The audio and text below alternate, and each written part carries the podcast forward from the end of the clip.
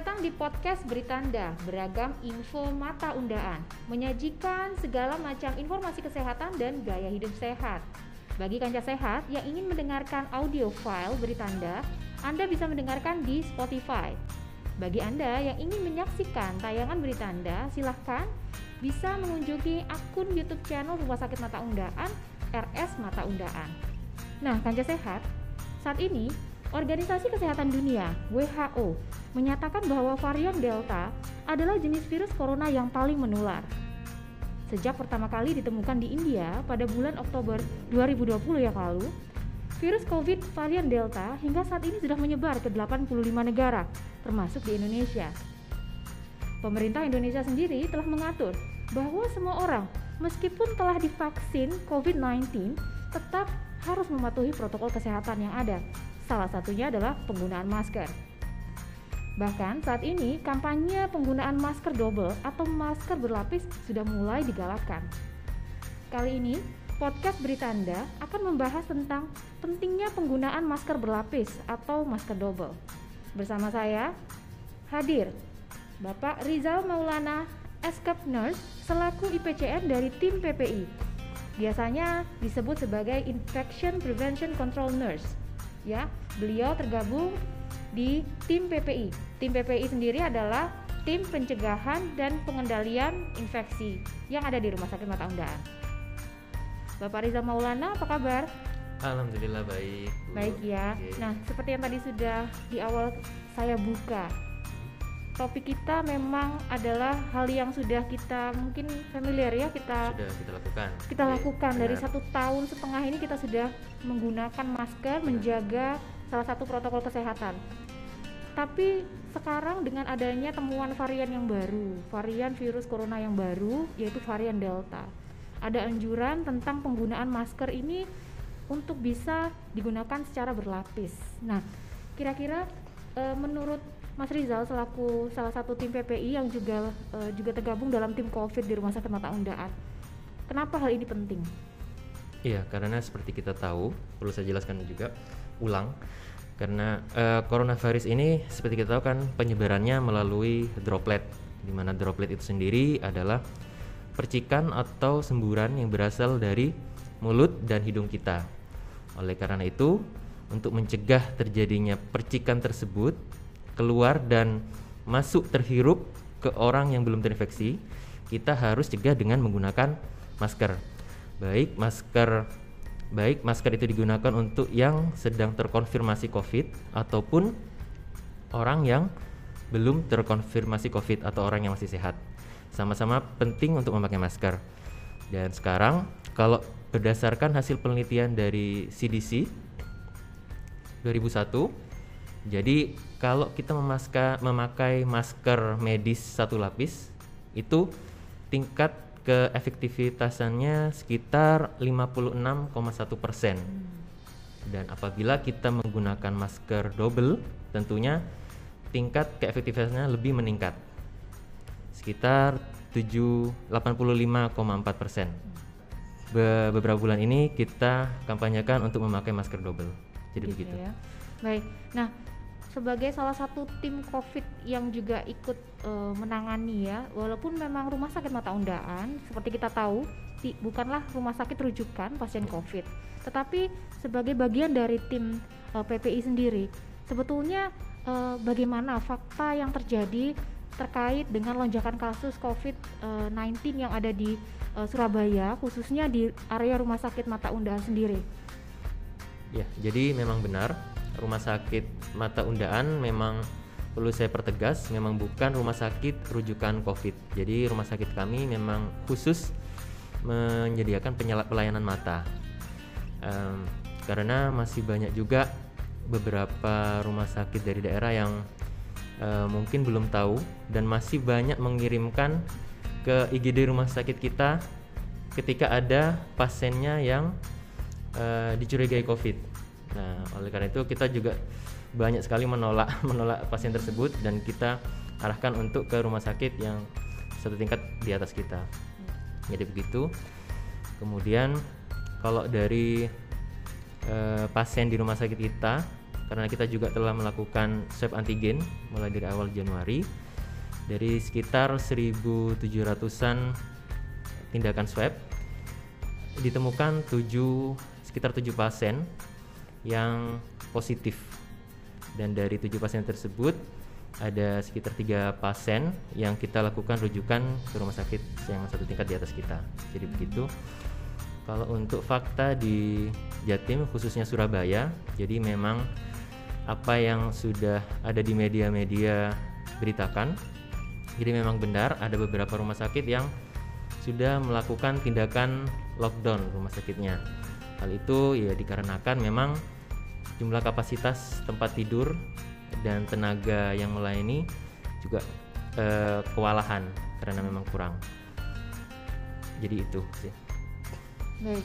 Jadi dari informasi yang disampaikan dan fakta yang juga tadi sudah dipaparkan, bahkan rumah sakit mata undaan yang memang bukan rumah sakit rujukan COVID Iya. pun ternyata menjadi tujuan dari pasien-pasien ini untuk tujuan. eh, berobat begitu Hmm, ya. benar. Nah, ternyata juga di luaran faktanya bahkan rumah sakit yang betul-betul rujukan COVID sekarang sudah mulai kewalahan Benar, ya menerima pasien-pasien masuk. Betul. Nah, sekarang mungkin Pak Rizal bisa berbagi dengan kami semua termasuk kanca sehat yang sedang mendengarkan eh, tayangan podcast Beritanda kali ini. Jika satu setengah tahun yang lalu penggunaan masker ini penting dan sudah ditekankan bahwa jika kita berinteraksi dengan orang lain, meninggalkan rumah ataupun eh, memasuki sebuah kerumunan di mana itu ada interaksi dengan banyak orang, kita sangat dianjurkan menggunakan masker. Tapi kemudian satu setengah tahun kemudian ini menjadi sangat penting. Apa yang membedakan? Dulu penting menggunakan masker, tapi kali ini sangatlah penting penggunaan masker itu. Ya. Jadi memang eh, masker memang sangat penting tetapi karena ya mungkin masyarakat juga sudah mulai bosan dan mungkin ketika di awal-awal memasuki tahun 2001 juga melihat jumlah penurunan eh, angka kejadian Covid. Ya mungkin dari situ masyarakat sudah satu mulai bosan sehingga dia mulai lengah. Lengah tidak memakai masker eh, dalam memakai masker sudah mulai salah. Kemudian juga sudah mulai beraktivitas eh, yang tidak mengikuti anjuran prokes. Jadi begitu. Mungkin dari situlah akhirnya di sekarang ini terjadi gelombang kedua dari akibat-akibat tidak patuhnya masyarakat terhadap prokes-prokes yang sudah dianjurkan di tahun sebelumnya. Jadi mungkin itu. Ya, termasuk bahwa fakta hampir sebagian besar eh, masyarakat dan warga negara Indonesia, khususnya nakes ya, kita karena ada di industri kesehatan, kita sudah menerima vaksin dari pemerintah juga. Eh, mungkin ada isyarat-isyarat abai begitu ya dengan protokol kesehatan. Mungkin bisa juga salah satunya karena mungkin merasa sudah divaksin. Jadi kebanyakan masyarakat sudah merasa kebal mungkin ya, merasa sudah aman dan tidak perlu menjalankan prokes. Mungkin itu juga menjadi salah satunya. Ya, jadi varian Delta ini betul-betul sangatlah menular. Jadi kenapa itu jadi sangat penting? Ya poinnya itu karena sangat cepatnya menular kepada satu dan ke orang yang lain. Nah, sebetulnya dengan menggunakan masker itu tadi Pak Rizal, adakah panduan penggunaan masker yang benar? Ya. Sehingga ketika masyarakat kembali lagi diingatkan untuk terus menggunakan masker, bahkan yang saat ini adalah masker berlapis. Benar. Panduan yang benar seperti apa? Ya. Jadi memang kita sekarang lagi mengkampanyekan masker berlapis.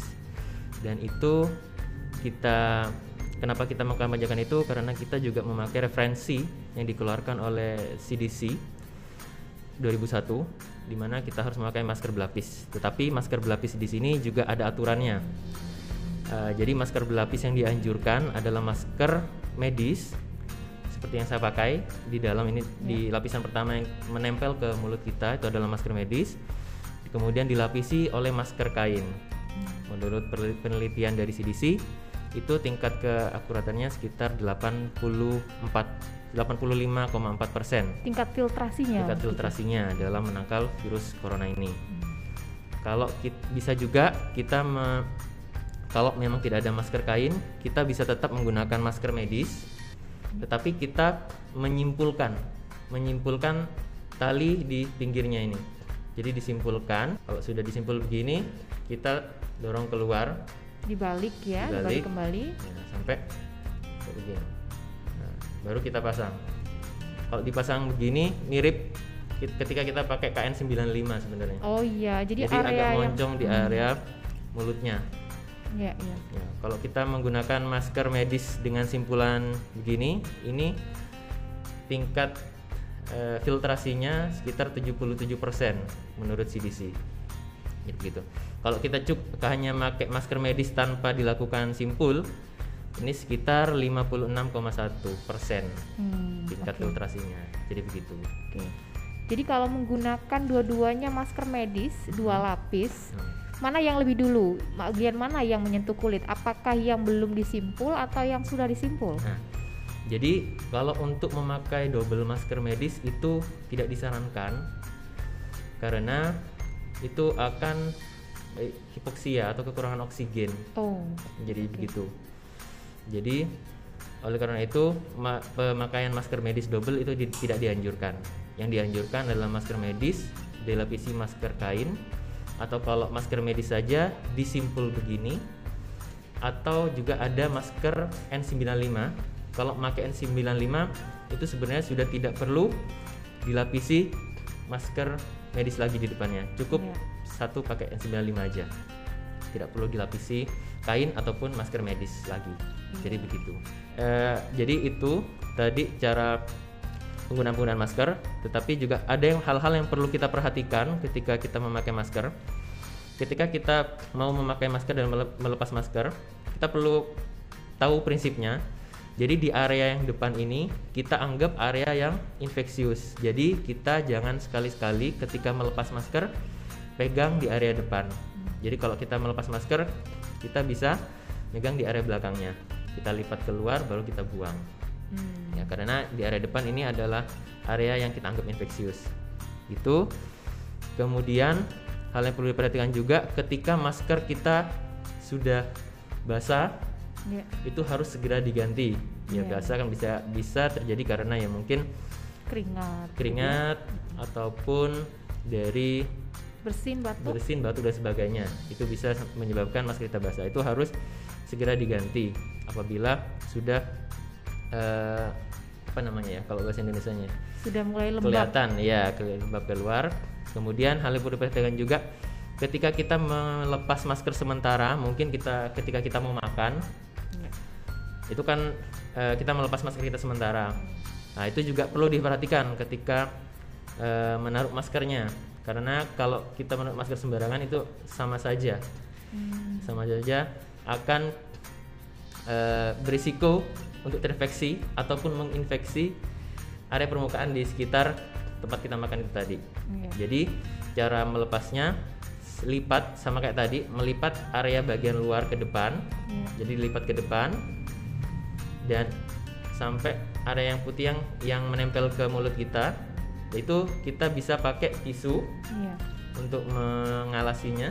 Ya sebagai alasnya ya. Di cover begitu ya di cover pakai tisu ataupun mungkin kalau tidak ada tisu kita bisa pakai amplop yang belum kepake. Kita bisa buka lalu kita bisa cover eh, taruh eh, masker tersebut di dalam amplop tersebut. Hmm. jadi begitu sih.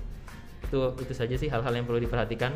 Karena saya lihat masih banyak eh, orang-orang yang di luar sana memang benar pakai masker apalagi masker double tetapi ketika membukanya dan Masih- melepas sementara masih banyak yang keliru Oke. Nah, itu yang Termasuk kita salah satunya mungkin ketika melepas masker menggantungnya di leher. Nah, itu juga salah satu yang beberapa yang salah, salah satu yang salah. Tidak boleh menggantungnya di leher ataupun di atas kepala apalagi ya. Itu tidak Iya. boleh. Harus benar-benar kalau memang mau dibuka, dibuka sekalian dan ditaruhnya harus dengan tepat. Iya, Jadi di tempat gitu. khusus masker mungkin Tempat bisa khusus ya. masker, mungkin bisa. Gitu. Bisa jadi salah satu solusinya. Jadi Benar. ketika kita sedang makan ataupun hendak minum begitu ya melepas masker, upayakan masker yang nantinya akan kita pakai kembali itu kita melepasnya dengan cara yang benar. Dengan cara yang benar. Itu tadi. Baik. Nah, baik. Buat kanca sehat, bagi Anda tips yang sudah disampaikan oleh Pak Reza Maulana tadi semoga berguna. Jangan lupa jika Anda ingin menggunakan baik itu satu lapis masker ataupun berlapis, pastikan kanca sehat tadi mengikuti anjuran yang sudah disampaikan.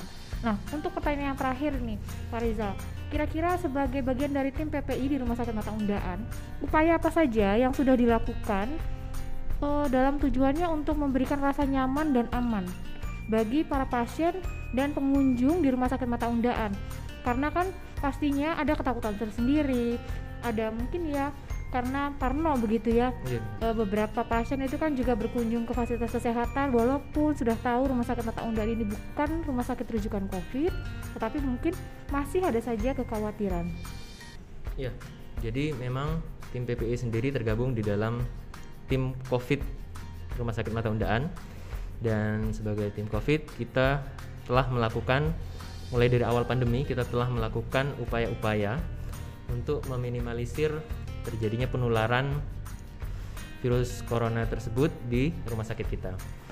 E, beberapa upaya yang kita telah ya, telah kita lakukan. Yang pertama, kita me membentuk tim screening, di mana tim screening tersebut kita tempatkan di setiap pintu masuk yang kita sediakan. Perlu diketahui juga, jadi kami di awalnya rumah sakit Mata Undaan kan terdiri dari beberapa banyak pintu masuk. Di masa pandemi ini kita batasi pintu masuk menjadi tiga pintu masuk. Di lobi di lobi lama kemudian di selasar belakang dekat parkiran dan di lantai tiga parkiran mobil. Jadi itu tempat pintu masuk. Dan di setiap pintu masuk kita tempatkan tim screening di mana tugasnya mm, melakukan cek suhu dan gejala baik itu pasien pengunjung ataupun karyawan kita sendiri kemudian yang kedua, kita melakukan screening lapis kedua. Screening lapis kedua tersebut kita lakukan di setiap masing-masing unit yang melakukan pemeriksaan atau perawatan atau tindakan kepada pasien. Contoh, contohnya kalau di rawat jalan kita melakukan screening berlapis itu di ruang pemeriksaan satu. Apa saja yang dilakukan screening berlapis sama kita melakukan cek suhu dan gejala pasien. Tentunya di screening berlapis ini kita tulis ada rekam buk, ada bukti rekam medisnya. Kita tulis di rekam medisnya. Jadi ada bukti hmm. tertulisnya. Kalau di screening pertama itu tidak ada rekam medisnya hanya sekedar tanya saja. Hmm. itu. Kemudian yang ketiga kita membatasi jarak tempat tunggu pasien jadi ruang tunggu kita kursi-kursi ruang tunggu kita kita batasi dengan jarak kurang lebih 1 sampai 2 meteran antar masing-masing kursi.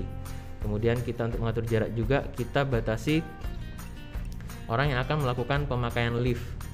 Kita juga beri tanda di situ. Kemudian upaya kita yang berikutnya yakni desinfeksi ruangan. Desinfeksi ruangan tersebut kita lakukan secara rutin, ada yang berkala dan ada yang insidentil. Rutin kita lakukan setiap hari setiap dua jam sekali di seluruh area rumah sakit. Baik itu kantor ataupun tempat pelayanan. Kemudian berkala kita lakukan general cleaning mingguan. Kita setiap minggu lakukan general cleaning di seluruh unit dan kita lakukan penyemprotan di situ. Kemudian insidentil kita lakukan ketika ditemukan pasien ataupun karyawan yang kita curigai confirm covid kita lakukan general cleaning dan penyemprotan ketika ditemukan itu.